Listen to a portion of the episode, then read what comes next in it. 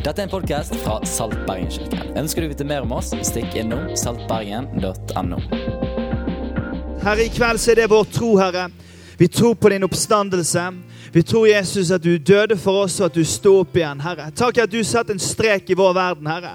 En, eh, en vertikal strek, Herre, hvor du greip inn, Herre. Og så stelte du en horisontal strek, Herre, for at det skulle angå vår livslengde, Herre. Takk for at du griper inn i livet vårt, Herre. Og du sier at du har nåde for alle mennesker, Herre. Vi tror på deg i kveld, Herre. Vi ønsker å strekke våre hjerter ut til deg og si, Herre, tal til oss. Vær sammen med oss. Vis oss hvordan vi kan leve som et nytt menneske. Og alle sammen sa Amen. Når jeg sier sånn 'alle sammen sa', så er det I gamle dager så, så var det liksom Da skjønte alle at da skulle man si amen. Så vi må av og til øve på det. Så alle sammen sa Den klarte du, Odd. Den er god. Takk skal du ha. All right. Er dere klar? Nå er det altså da eh, slik at Tusen takk. Eh, flott eh, musikk eh, og full gass.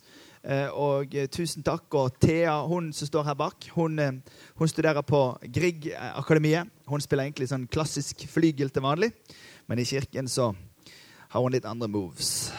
We like it. Veldig fint. Det, det er sånn at um, når vi disse ukene som vi har hatt eh, denne serien vår om eh, å være et nytt menneske, så har vi hentet de versene fra boka som vi tror Gud har skrevet, altså denne bibelboka. Vi har hentet de fra kun 17 vers. Og Grunnen til at vi velger å velge noen få vers for å snakke om et så stort tema, det er for å vise meg og deg at det fins en dybde i Guds ord, ikke bare en bredde. Er dere med på den? Fordi at eh, når jeg studerte for mange år tilbake, så var det en professor som sa til meg If you have a Bible preaching church, you have a Bible believing and reading church. Og Det er på utenlandsk, og det betyr at hvis du forkynner Guds ord til en menighet, så vil menigheten bli sulten på Guds ord og velge å ha Guds ord som en viktig del av sitt eget liv. Jesus sa det at 'jeg har mat', sa han, som dere ikke vet om. Han snakket om at han spiste av de ordene som Gud talte til ham. For et ord skaper noe. Ord gir vekst. og Det gir optimisme og det gir framtid. Og Derfor så tror vi av hele vårt hjerte i vår menighet at eh, når vi leser Guds ord og forkynner Guds ord, så blir det også mat til dette nye mennesket som er på innsiden. Vi tror at det å være en kristen det er noe som ikke handler om å flykte fra denne verden, eller frykte denne verden, men det handler om å være her, men allikevel være påvirket fra en annen vinkel. Er dere med på den? Dette er utrolig viktig. Det handler om at vi er veldig til stede, men vi er likevel påvirket fra et annet sted. Jesus sa til sine etterfølgere når han var ferdig her i Johannes kapittel 17, jeg ber ikke om at du tar dem ut av verden, men at du bevarer dem fra det onde, sier han. Og Grunnen til at han sier akkurat det, det er fordi at det finnes en spenning i det å ha et perspektiv fra et annet sted når man lever her. Man må være på en måte litt mer på alerten i forhold til hva er det egentlig som påvirker meg. Hva er det som påvirker meg i mitt liv? Du vet, Når du skrur på TV-en din hjemme, sant? så er jo det alltid sånn, i hvert fall på de der eh, kanalene som ikke er statsfinansiert, eller finansiert av meg og deg gjennom ekstra skatter og avgifter. Skal ikke snakke om det her nå. Dette er kirken. Politisk nøytral grunn, men du skjønner hva jeg mener. Okay? Så kommer det sånn reklame. ikke sant? Så kommer det sånn reklame. Og det reklamebransjen gjør, det at de finner fatt i noe som du har lyst på, og så forsterker de den. sant? De får, de får reklamen til å snakke snakke. sant? En sjokoladeplate har veldig mye stemme med seg. Sjokoladeplater hjemme hos oss de snakker de snakker gjennom betongvegger. Og min kone hun bare, de bare sier 'Kom og spis på meg'. Og sier melkesjokoladen, og min kone sier 'Jeg skal ikke spise deg'. Og sier 'Kom bare litt grann, kom og spise meg'. Og hun bare Skjønner du? Det skjer hele tiden i vår familie. Det var en sommer vi fant is, ispinner i frysen som var bare spist litt av. Fordi hjernen hennes tror at hvis jeg bare spiser litt, så har jeg ikke spist noe. Men ungen sa 'Hvem har spist av alle isene i frysen?' Fordi at vi påvirkes mer enn vi aner. Er dere med? En annen triks som eh, reklamebransjen gjør, er at reklamebransjen tar tak i din dårlige selvtillit. Og forteller deg at liksom, ja, du begynte å få en rynke nå, ja, ja, begynte å få en rynke nå, ja, nå ser alle at du er 23. Men hvis du kjøper denne kremen fra Egypt for bare 10 000 kroner, så kan du få vekk rynken og se ut som du er 22 igjen. Sant? For dette med å ta tak i liksom, Spring på denne tredemøllen og se ut som Svester Stallone i, i, 1939, eller noe sånt som det. Fordi at, fordi at man forsøker å påvirke oss til en atferd. Dere med på det? Og det er det at han er forfatteren av de versene som vi har boret litt i disse ukene, prøver å si at det du og jeg gir rom til i vårt liv, det tar enda mer plass i vårt liv. Og det er til slutt så preger det oss. Musikken som vi hører på, blogginnleggene som vi leser på, studiene som vi er med på, det vi ser på TV og i mediene, alt dette flytter på en måte inn hjemme hos oss og blir en del av hvordan vi tenker. Følger dere meg? Hjemme hos meg så er jo det jeg som er faren, og så er det konen som er moren, og så er det de andre ungene. Altså Det fins unger hjemme hos oss. Og det fins så mye lyd fra ulike typer artister som jeg aldri har hørt om. Men det hender at jeg stopper opp og finner fram tekstene på noen av disse sangene. Og så holder jeg foredrag for ungene mine! Og så spør jeg de, unnskyld barn, vil dere at dette kvinnesynet skal lyde i dette hjem? Altså, Hør på noen av de tekstene, hør på noe av det menneskesynet, hør på noe av det språket. Jeg er ikke en sånn sinna prest her som står og sier 'ikke hør på stygg musikk', men jeg sier at vi påvirkes mer enn vi aner. For det du hører på, det blir til ordene du tror på. Og de ordene du tror på, de blir til slutt følelsene dine. Og de følelsene du har, styrer dessverre altfor mange av oss sine liv. Langt ute i skogen et sted er det en fugl. Altså, Vi er jo byfolk, de fleste av oss, ikke sant? så vi vet hva duer og ender er. Men ute i skogen har jeg i hvert fall hørt at det fins en fugl som heter gjøk. Og gjøken, han er en sleiping. Eller hun. Eh, fordi at uh, Istedenfor å bygge et eget rede, så tenker gjøken at nei, jeg gidder ikke å verpe. Det er det det heter? Verpe? Det var noen fra Jæren som sa ja, det stemmer. eh, eh, altså, du Unnskyld. I love Jæren. Jæren for Jesus. Så, så, eh, så, legger han egget i sammen da med de andre eggene i noen andre sitt rede.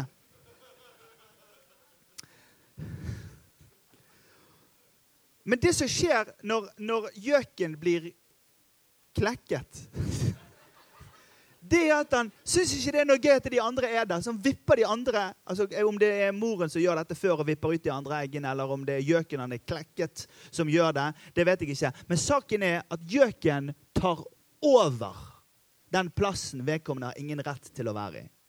Og For mange av oss så er det sånn hjemme hos oss. For mange av oss er det sånn i forhold til musikken vi lytter til, i forhold til det som tillater å påvirke oss. Og for mange tenåringsforeldre så er det dessverre sånn det er hjemme. Vi hadde håpet at det skulle være sånn hos oss, men det ble annerledes. Så da blir det seende sånn som dette ut.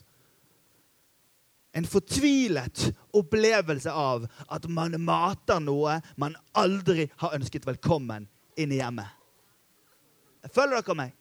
Det er derfor Paulus sier til oss på en veldig tydelig og klar måte Vær oppmerksom på hva du gir rom i ditt liv.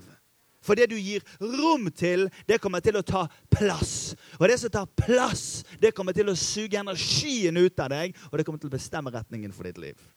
Kolossebrevet 3, kapittel 16-17 Unnskyld, eh, et eller annet sted nedi der. i hvert fall. 16, ja, Så leser vi. La Kristi ord få rikelig rom hos dere. Undervis og rettled hverandre med all visdom Syng salmer, viser og åndelige sanger til Gud av et takknemlig hjerte. Og la alt dere sier og gjør, skje i Herren Jesu navn, med takk til Gud vår Far ved ham.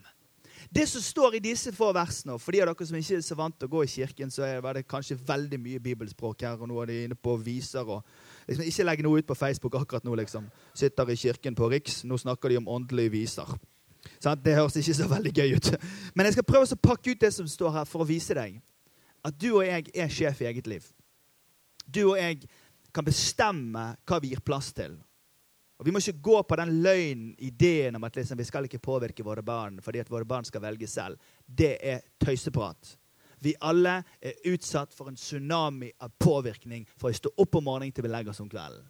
Og det er vårt valg om vi vil leve oppreist, eller om vi vil bli nedkjørt av det som skjer. Det finnes ulike måter å se på mennesket. Noen tenker at mennesket er i et mørke, og at det mørket er så oversvært og voldsomt at det bare liksom å håpe at man får en billett til himmelen en gang, men det ser mørkt ut.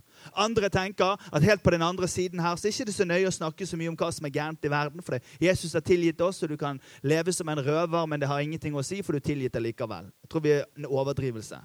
Martin Luther sier det på en glimrende måte. Han sier vi er samtidig syndere, men så er vi også rettferdige. Men problemet når vi tenker på denne måten er at da er det så ofte at vi ser den svarte flekken på det hvite arket. Og så gir vi etter for det som er negativt, istedenfor å, som vi tror best, være realistisk og si at det går an å lene seg inn i det nye mennesket. Det går an å leve et oppreist liv. Det går an å si ja, Jesus. På samme måte som du sto opp fra en grav og gikk inn i dagen og lever i lyset, så ønsker jeg med mitt liv å være et nytt menneske. Kan du si amen? La derfor Kristi ord få rikelig rom hos dere. Hvorfor sier han dette? Jo, Han sier at du og jeg må bestemme oss for hvilken type plass er det vi ønsker å, å, åpne opp i livet vårt for Kristi ord. Jeg snakker jo med mange av dere, og mange andre enn dere også. Og så spør jeg jo av og til da liksom Åssen er liksom Har du en personlig forhold til Gud, eller? sant? Det er et veldig sært spørsmål. Jeg stopper liksom ikke bare folk bort på galleriet og liksom 'Hallo, jeg er prest. Jeg lurer på, har du et personlig liv med Gud?' Altså, Da hadde jo de ringt et sykehus, ikke sant? Nei, men det er jo sånn vi er blitt. Men hør. Jeg snakker om mer enn å bare liksom be en bønn i Skådan på vei til jobben på Sotra. Jeg snakker om mer enn å bare spille liksom Handels Messias liksom, på vei over Askøybroen fordi det blåser litt. Jeg snakker om å skjære ut en plass i hverdagslivet som gjør at vet du hva, jeg gir plass jeg, til at Kristi ord skal være mer viktig for dannelsen av mitt indre jeg enn det blogginnlegget til en eller annen som skriver den bloggen. Eller den avisartikkelen til det mennesket som skriver den avisartikkelen. Eller det som skjedde på Netflix tonight. For den mengden av ord som kommer imot oss, kan enten bygge oss opp, eller så kan de gjøre crazy ting med oss. Jeg har lyst til å utfordre deg til å ha en vane av at du gir plass til Guds ord i livet ditt. En vane kan godt defineres på denne måten. Vaner det er de små tingene som du gjør i hverdagen, som enkelt du kan gjøre eller å la være å gjøre, men det gir enorme resultater over tid. Er dere med? Du kan enkelt gjøre det eller ikke gjøre det, men det gir enorme resultater over tid. Ta f.eks. det å pusse tennene med en Colgate. Er det det det heter? Eller Jordan-børste. ikke sant? Jordan vet jo hvordan. sant? Så du kjører på der i to og et halvt minutt ca. på morgenen og så gjerne midt på dagen, også på kveld. Gjør du det flatt ut, så holder tennene til du er ca. 80. sant? Da kan du bytte ut hele settet. ikke sant? Men hvis du dropper de to minuttene på morgenen for å ha seg til å skal spille Fifa så Det er så mye Fifa som må spilles. Orker ikke. liksom, Hvorfor lukter du sånn når du snakker med en? Fifa. Ostepop og Fifa. FIFA. Ja? Så hvis du dropper den lille, hvis du dropper den lille vanen, så blir det deretter. Du kan enkelt gjøre det, men du kan enkelt også la være å gjøre det. Følger dere meg? La Kristi ord få rikelig plass hos dere. Det var to brødre, så han ene broren bestemte seg for at jeg har lyst å lese bøker. Og typisk brødre liksom Du leser bøker, liksom. Jeg mener du på med bilder eller? Nei, jeg mener jeg skal lese masse bøker. Det kommer du aldri til å klare. Jeg, jeg sitter her borte og spiller Fifa. Bare sånn ostepopen. Sånn, sant? Det er rart at de som spiser ostepop, egentlig ikke kan snakke. I hvert fall inni meg. Så man, man mister på en måte taleevnen hvis man drikker for mye Pepsi Max og spiser ostepop. Det er stygt gjort av meg.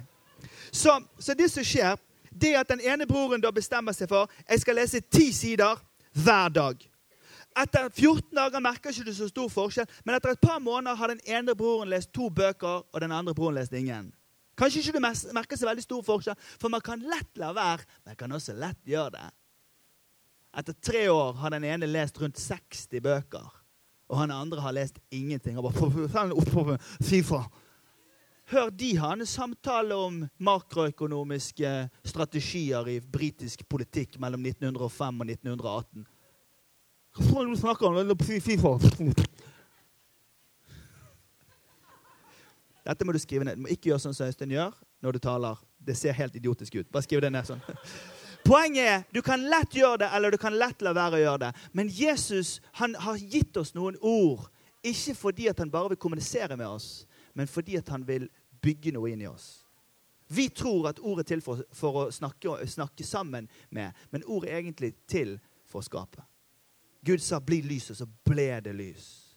Og så snakker jeg med min venn Ole her, og så kan jeg bygge opp Ole med de ordene jeg gir han. Eller så kan jeg gjøre noe annet med de ordene som jeg gir han. For jeg skaper noe i Ole med de ordene som jeg sier. Er med? Og jeg har lyst til å si til deg når vi får oppfordringen om å gi Kristi ord rom, så er det fordi det er noe som skal skapes i oss. Det skal skapes en aksept, en kjærlighet, en tålmodighet, en overbærenhet. En omsorg for andre mennesker. En kjærlighet som er sterkere enn døden. En nåde og en aksept. Det nye mennesket reiser seg inni oss når Hans ord skaper i oss. Kan du si et litt ammen til det? Du vet, Jesus var en genial pedagog. Han gikk rundt og fortalte historier. En av de fortellingene han fortalte, var om, om en mann som gikk ut for å så. Og Da sammenlignet han frøene som denne sådde, med ordene som Jesus talte. Og Så sa han at noen av ordene detter ute ved veikanten, der, der jorden er sammentrykket og hard. Og det er ingenting som skjer med frøene, fordi de bare svir bort, for det er for hardt der. Og folk bare Ja, det er jo noen som, som ikke gidder å høre. Ja, stemmer det. Så er det noe som faller der hvor det er litt jord. og De er, de er sånne som går på, på søndagen på, på, gudstjeneste i et kult teater, liksom, hvor det er litt sånn Wow, liksom, det var jo kjempegøy. Halleluja! Men på tirsdagen liksom, skal betale den regningen, så sier det Oh my God! For det, det, det vokser raskt opp, men det forsvinner igjen, for det har ingen røtter i seg. Så det er noen av ordene som detter inn i buskene, bakområdet, dendrobuskene, der inne i tårnene, der det bare reiser seg bekymringer, lyst til andre ting, og alt slags mulig andre ting reiser seg. Og så er det noen ord som faller i god jord. Og Det som faller i god jord, det er de som gir rikelig rom for Kristi ord. Og som sier vet du hva, hm, det var fint det skriver jeg litt ned i boka mi.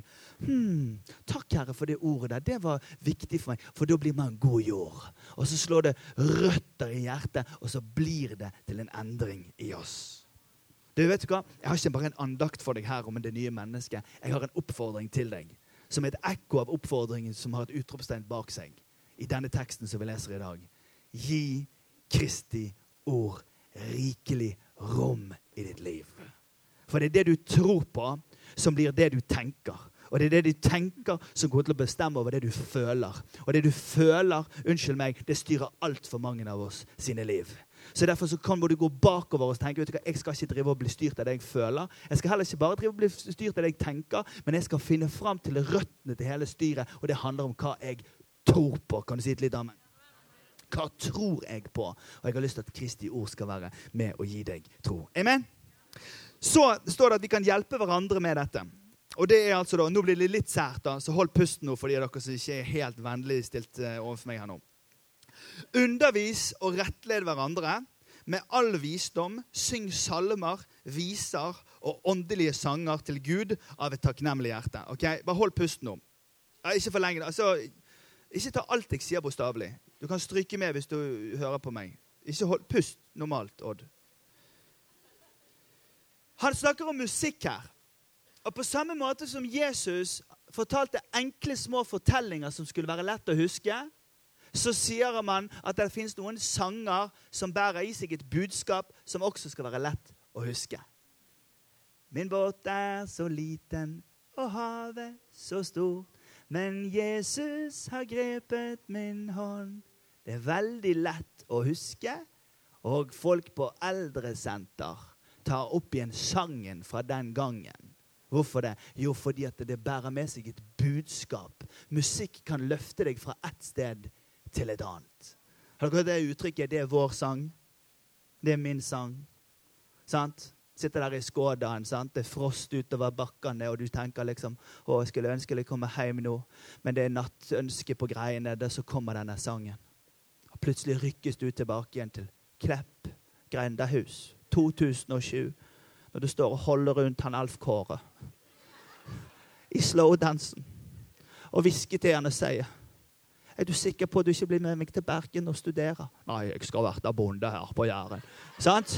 Men på en eller annen måte så er du rykket, du er rykket ut i det øyeblikket fordi musikk har en evne til å ta deg med til et sted.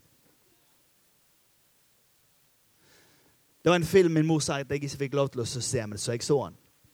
Kom ut i 1975. Han heter Jaws. Husker dere den? Haisommer. Noen som har sett den? Ja, det er noen som har sett den. Ok, Ikke si det til min mor mi så. 'Fisken skal ikke ete mennesker, vi skal ete fisken', sa mor mi. For filmen handler, for, for filmen handler om en sånn haiangrep på en sånn her strand. sant? Og det var noen som tok det, og da Musikken er dramatisk. Sånn, sånn skikkelig sånn musikk. Så det var noen som forsket på dette, så de kjørte opp svære sånne der høyttalere på ulike strender. Og tømte jo havet. vet du. Fisken kom opp! Fordi musikken tar med deg til en annen stemning. Den bærer med seg noe som flytter deg til en annen plass. I'm serious.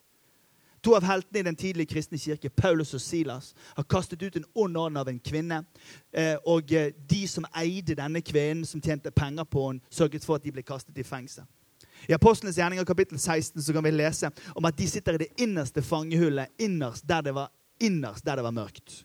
Og så står det ved midnattstider så holdt Paulus og Silas bønn og lovsang til Gud. Og, feng, og fangene lyttet til dem. Og Plutselig så kom det et kraftig jordskjelv. Så grunnmuren i fengselet ristet, og straks sprang dørene opp, og lenkene løsnet av alle fangene. De er fast med lenkene sine i det ytre, men i sitt indre så løftes de opp i Guds nærvær. Og så er de innenfor Gud, og så er de ikke fanget lenger. I Guds nærvær, dere, så løsner disse indre lenkene i våre liv. Og så mange ganger så har jeg hjemme i hjemmet vårt Så vi er et OK, vanlig norsk hjem, og vi spiller Sinatra 'I Did It My Way'. Klart vi gjør. Men noen ganger så går jeg og konen inn og så bare skrur vi av og så setter vi på en lovsang som forteller litt om Jesus, what is your way? Og jeg lover deg, Det er akkurat som om vi skifter stemningen i hele huset vårt. Det er akkurat som vi legger om atmosfæren hjemme. Fordi at det som ærer Gud, bringer et nærvær av Gud inn. Du kan tenke at jeg er koko når jeg sier dette, men jeg bare utfordrer deg til å prøve. Det er avgjørende det er avgjørende å skifte stemningen i et hjem basert på å hive inn en sanger som ærer Gud, og som er godt for mennesker å høre. Min kone er mer freidig enn jeg er.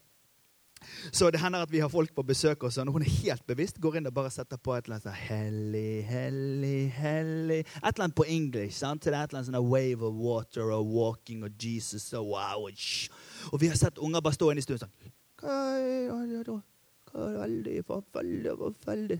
For det er liksom Det er ikke noe sånn det der liksom Oh, baby, baby, she walks down the boo, baby, boo, blah, blah, boo, blah. Sånn, det er ikke sånn musikk. Det er nok sånn hellig, rein, din kjærlighet er sterkere enn døden, du overvinner, du løfter meg opp. Det er liksom den. Det er lyse sanger, da, istedenfor sånn oh, she has a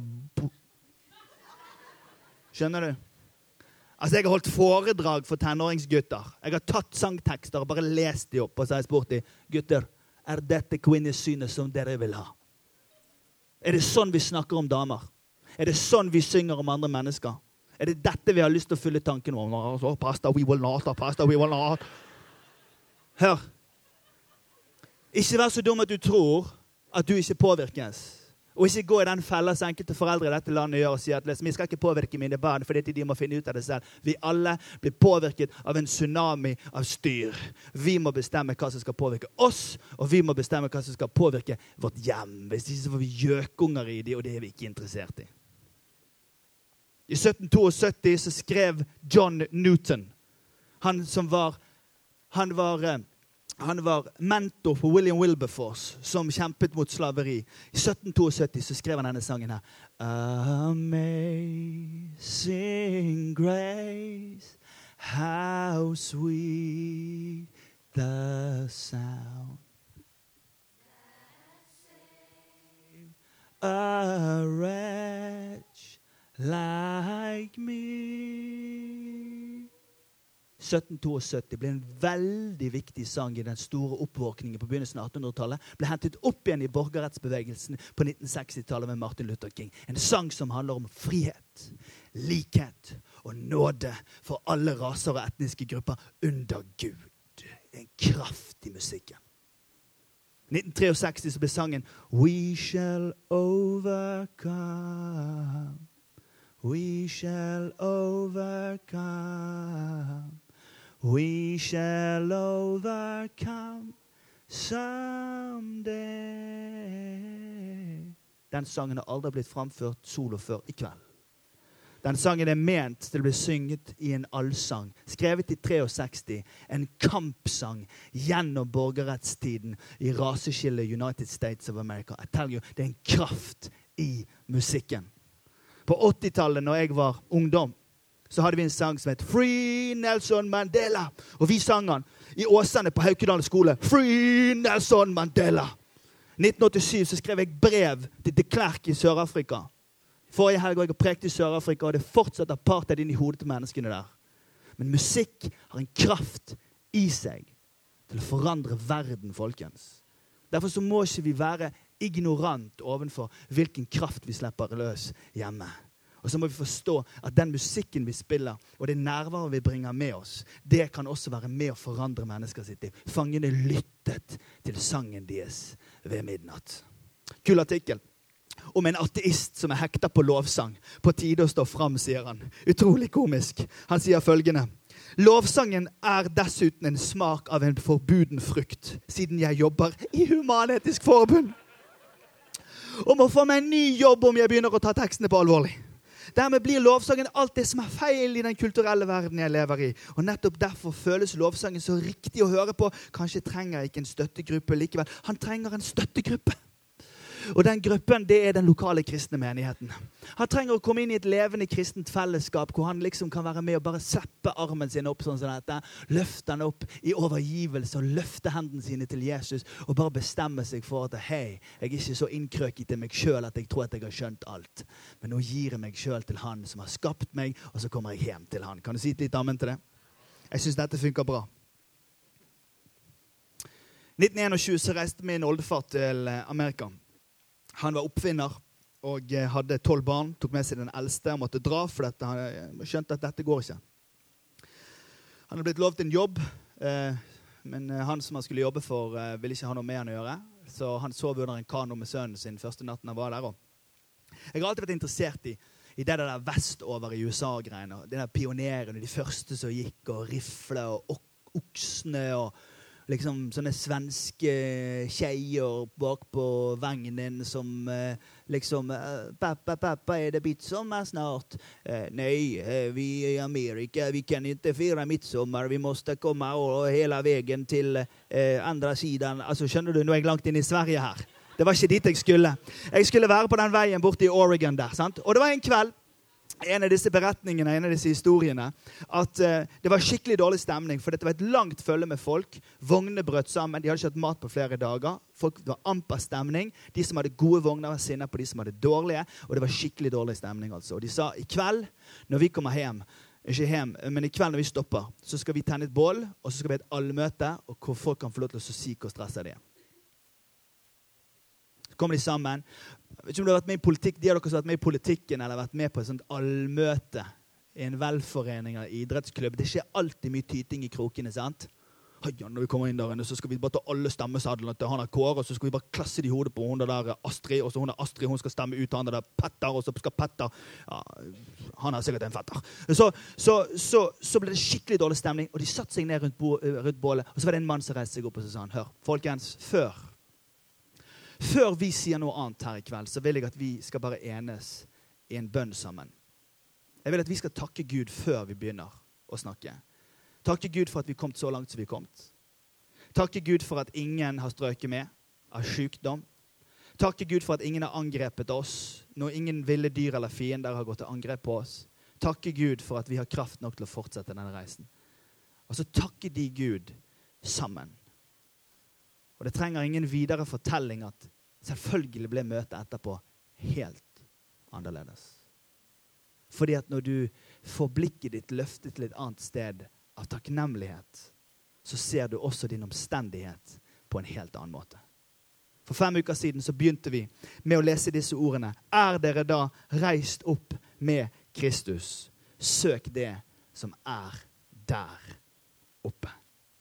Forrige uke så leste Egil Svartdal for dere La Kristi fred råde i hjertet. Ikke freden av økonomisk sikkerhet. Ikke freden av å ha trygge og gode verdier. Ikke freden av å ha en helse som fungerer. Ikke ha freden av ikke ha freden Men la Kristi fred være sjefen i ditt hjerte.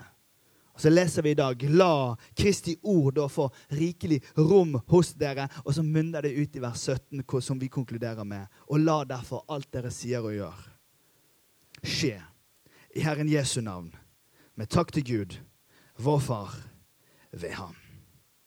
Når du går på jobben din, når du betaler skatten din, og du følger ungene til fotballen, og du snakker med kollegaen din. Når du går på treningsstudioet, når du løper rundt Lille Lungåsvann for å kjempe mot human trafficking.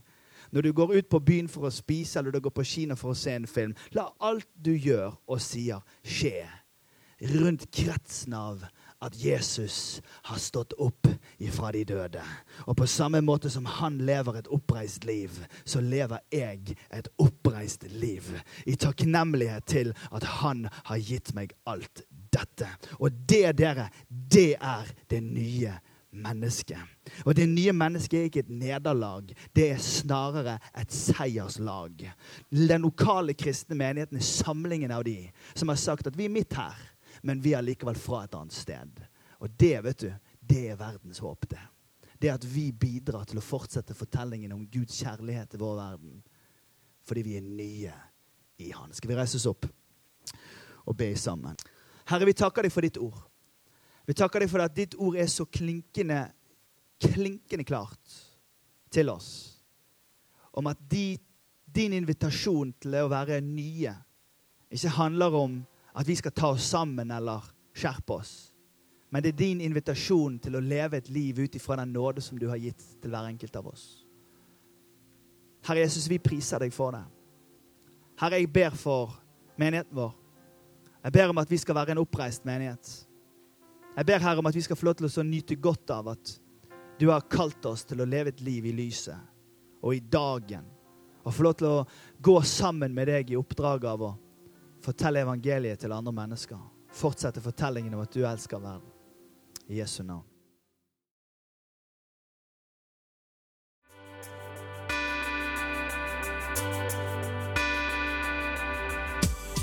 Takk for at du har lyttet til podkast fra Saltbergenkirken. Vår visjon er å lede mennesker til et nytt og bedre liv gjennom etterfølgelsen av Jesus. Følg gjerne med på hvordan vi realiserer dette, og hvordan du kan delta ved å besøke saltbergen.no.